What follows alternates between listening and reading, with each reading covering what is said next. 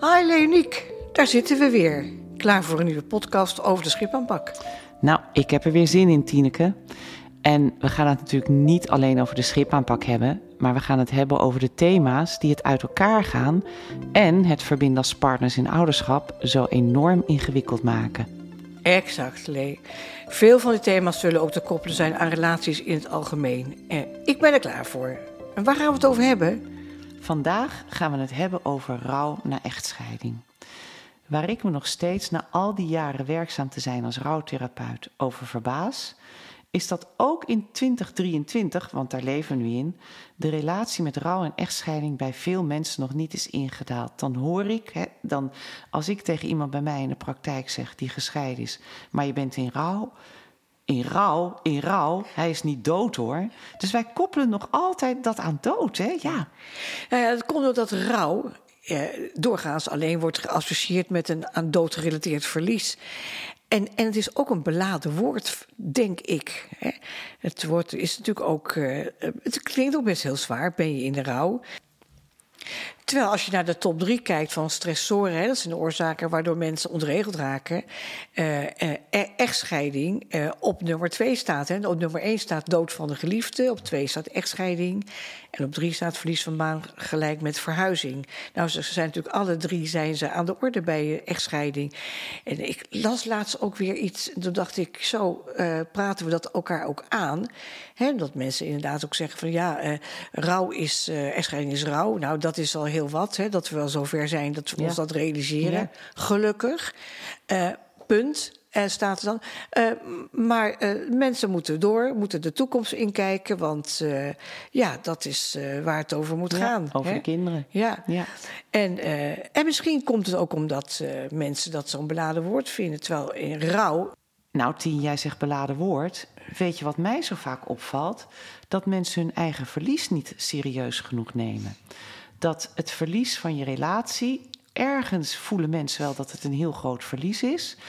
Het, het zit hem denk ik ook een beetje in dat, dat rouw door dood, of in ieder geval verlies door dood, zien mensen als veel zwaarder. Mm. En ik denk dat, dat juist dat, als je zegt van ja, je rouwt ook na een echtscheiding, dat mensen dan geconfronteerd worden met de serieusheid van het verlies. En daar denk ik dat mensen daar nog niet aan gewend zijn. Klinkt een beetje raar, omdat iemand heus wel snapt hoe serieus het ja. is. En zou het ook komen ik val je in de reden, maar straks vergeet ik het. Maar zou het ook kunnen komen dat, dat de buitenwereld vindt dat je vooral maar vooruit moet met de geit?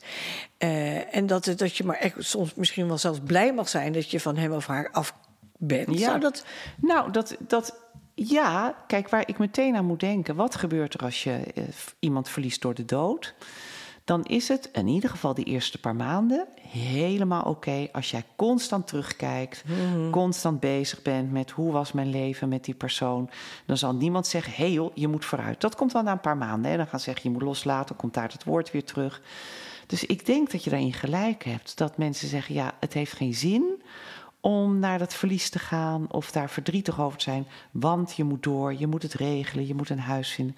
En dan moet je het regelen. Maar ja, weet je we zitten allemaal op een ander punt in die rouw. En wij werken veel met de verliescirkel.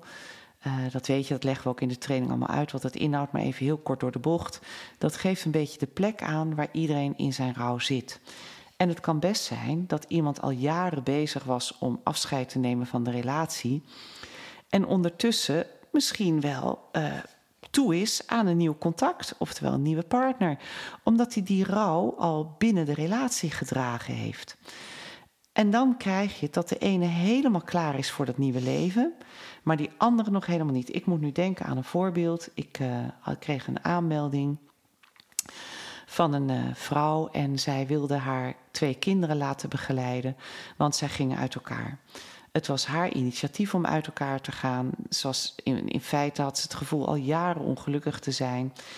Maar nu had ze dan de knoop doorgehakt. Ze was met haar man in gesprek gegaan. En ze hadden beide uitgesproken: ja, het is ook wel zo. De koek is op. Dat is ook zo'n bekende term. Hè? De koek is op. Wij gaan uit elkaar. Dus iedereen was het daarmee eens. Die kinderen was natuurlijk een grote schok voor, dat begrijp je. Maar omdat er was helemaal geen ander in het spel. En deze mensen konden met elkaar heel goed die relatie afhechten. Zo begon het. Dit is trouwens van jaren geleden, nog voordat wij de schipaanpak hadden. Dus het begon allemaal heel goed. Ze zaten samen bij mij op de intakegesprek. Ik zou die twee kinderen gaan begeleiden. En um, ik legde ook de verliescirkel aan hen voor. En je hebt daar een aantal punten. Ik neem ze even heel kort door. Het begint met contact maken. Dan ga je aan elkaar hechten. Dan ontstaat er intimiteit. Of dat nou is intimiteit omdat je meer verhalen met elkaar deelt. Of misschien wel seksualiteit. Maar op een gegeven moment komt een moment van afscheid nemen. Dat, dat is inherent aan, aan verbinding maken met mensen. Mensen gaan weg, verdwijnen uit je leven, gaan dood. Je kind gaat uit huis, noem het maar op. En op een afscheid volgt een verlies. Uh, volgt, sorry, volgt rouw. En daarna komt de betekenisgeving. Je gaat er een soort betekenis aan geven. Nou, fijn, mijn kind staat op eigen benen. We hebben daar een soort houvast in gevonden om om te gaan met verlies.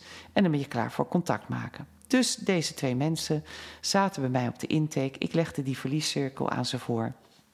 En ik vroeg: waar staan jullie op deze cirkel? Nou, zeiden ze beiden unaniem, wij staan bij afscheid nemen. We zijn aan het afscheid nemen van onze relatie. We zijn aan het afscheid nemen van het intacte gezin. Ik zeg, en waar staan jullie, waar staan jullie kinderen? Ja, die zijn ook aan het afscheid nemen. Ik zeg, nou, prima, helemaal goed. Dus ik ging aan de slag met die kinderen. Word ik na drie maanden gebeld door hem. Nou, het was echt ongelooflijk. Hij was helemaal van het padje. Hij, uh, hij was hartstikke boos. Hij zei, uh, hij zei, nou, zij heeft een ander. Wat is er gebeurd? Ze heeft een ander. Wat is hier aan de hand? En ik zei, wacht eventjes. Uh, en in mijn hoofd ging natuurlijk, zij heeft een ander. Ze zijn toch uit elkaar? Wat bedoelt hij nou? Dus ik zei, even voor de goede orde. Jullie zijn toch uit elkaar? Ja, zei hij, maar ze heeft een ander. Ze heeft gewoon een ander. Weet je, die hele relatie heeft niks voor haar betekend. Zeg, nou, hij, en, en, en hij zei er trouwens ook bij. Ik begrijp, het, ik begrijp mezelf niet meer. We waren het er toch beide over eens. Toen zij het uitsprak dat ze wilde scheiden, dacht ik eigenlijk ook: ja, dit is ook de beste optie. Maar toch, wat gebeurt er nu met me? Ik zei: Nou, kom langs in de praktijk, daar gaan we het over hebben. Nou goed, dus we kwamen langs en uh, ik legde die verliescirkel weer neer. Ik zeg: Kijk, jullie hadden jezelf op afscheid nemen gezet toen jullie bij mij waren. En waar staan jullie nu, denk jij? Nou, zei hij, ik ben nog steeds aan het afscheid nemen, maar zij staat behechten. Weet je, in het begin, ze kwam iedere avond, nee, niet sorry, ze appte me iedere avond hoe het ging met de kinderen. Ik appte haar, we hadden een heel fijn contact. Nu heeft ze gezegd, ja, weet je, we moeten ook niet meer bij elkaar eten, want dat deden we één keer in de week. En we moeten ook niet meer zoveel appen, want dat vind ik alleen maar storend. Ik zei, nou, zullen we haar ook eens uitnodigen in deze sessie? Ja, dat wilde hij wel, dus we maakten een nieuwe afspraak. En ik stelde haar diezelfde vraag, waar sta jij? Nou, zij had zichzelf inderdaad op hechten gezet en hij op afscheid nemen. Toen vroeg ik aan haar, betekent dit dan dat je niet meer rouwt om de verloren relatie? Ja, zegt ze, natuurlijk wel, maar we zijn toch uit elkaar? En ik ontmoet nu een leuke nieuwe partner. Ik ben me opnieuw aan het hechten, maar we zijn wel uit elkaar. Maar dat betekent niet dat ik niet rouw. Natuurlijk niet. Ik had ook gewild dat deze relatie zou slagen. Maar dit is nu wel de nieuwe situatie. En omdat hij zag, en dat was het allerbelangrijkste van deze sessie, dat hij hoorde dat zij zei dat ze ook nog steeds aan het rouwen was en dat die relatie wel degelijk heel veel voor haar ook had betekend, snapte hij het beter en konden ze wel weer samen verder.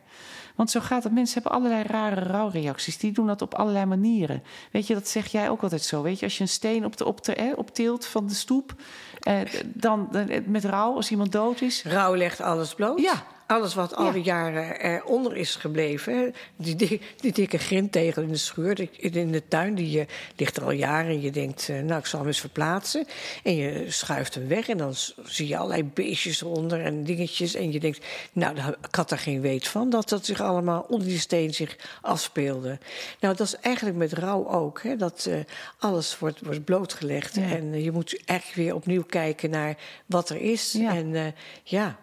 En ook hier dan denk ik weer communicatie. Hè? Nogmaals, we hebben het eerder gezegd, het is een beetje een, een woord wat nogal verheven is geworden. Mm. Maar als zij in dit geval, als zij tegen hem had uitgesproken van... luister, weet je, ik ben natuurlijk hartstikke verdrietig dat wij het niet gered mm. hebben. Want daar gaat het om, mm. hè. Mensen voelen zich altijd falen. Wie ook het initiatief neemt, je voelt je altijd falen in je relatie. Ja, maar dan zeggen wij dan ook, je hebt die ander nodig ja. om op verhaal te komen. Kijk, rouwverwerking doe je altijd in interactie met die ander. Ja. En, en het is natuurlijk heel fijn om een individuele begeleiding te hebben bij echtscheiding...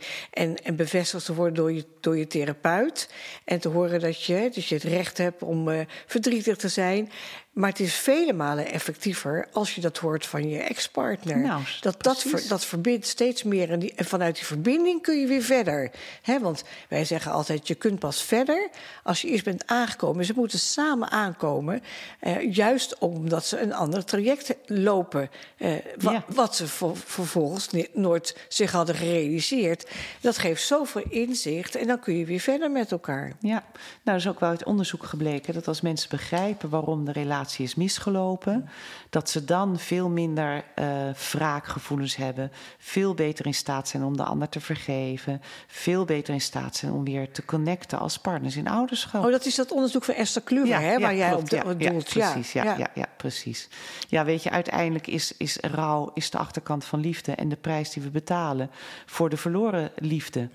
En dat is niet alleen door dood. Dat En dat zou best eens vaker benadrukt Precies. mogen worden. Want anders dan, hè, dan zit aan rouw ook een hele ja, mooie kant of betekenisvolle kant. Ja, Hè? nou, dat vind ik ook mooi dat je dat zegt. Want ik voel meteen zachtheid bij mij ontstaan als Ja. je dat zegt. Ja, Ja, zeker. dank je. Ja. Dit was het voor vandaag. Volgende keer nemen we weer een ander thema onder de loep. Wil je in de tussentijd meer weten? Kijk dan op de website schipaanpak.com. Voor nu willen we je hartelijk bedanken voor het luisteren. Oké, tot de volgende keer. Deze podcast kwam tot stand met Tineke Rodeburg en Leoniek van der Marel, ontwikkelaars van de Schipaanpak, en Kiki Stordio, die heeft gezorgd voor de regie en de muziek.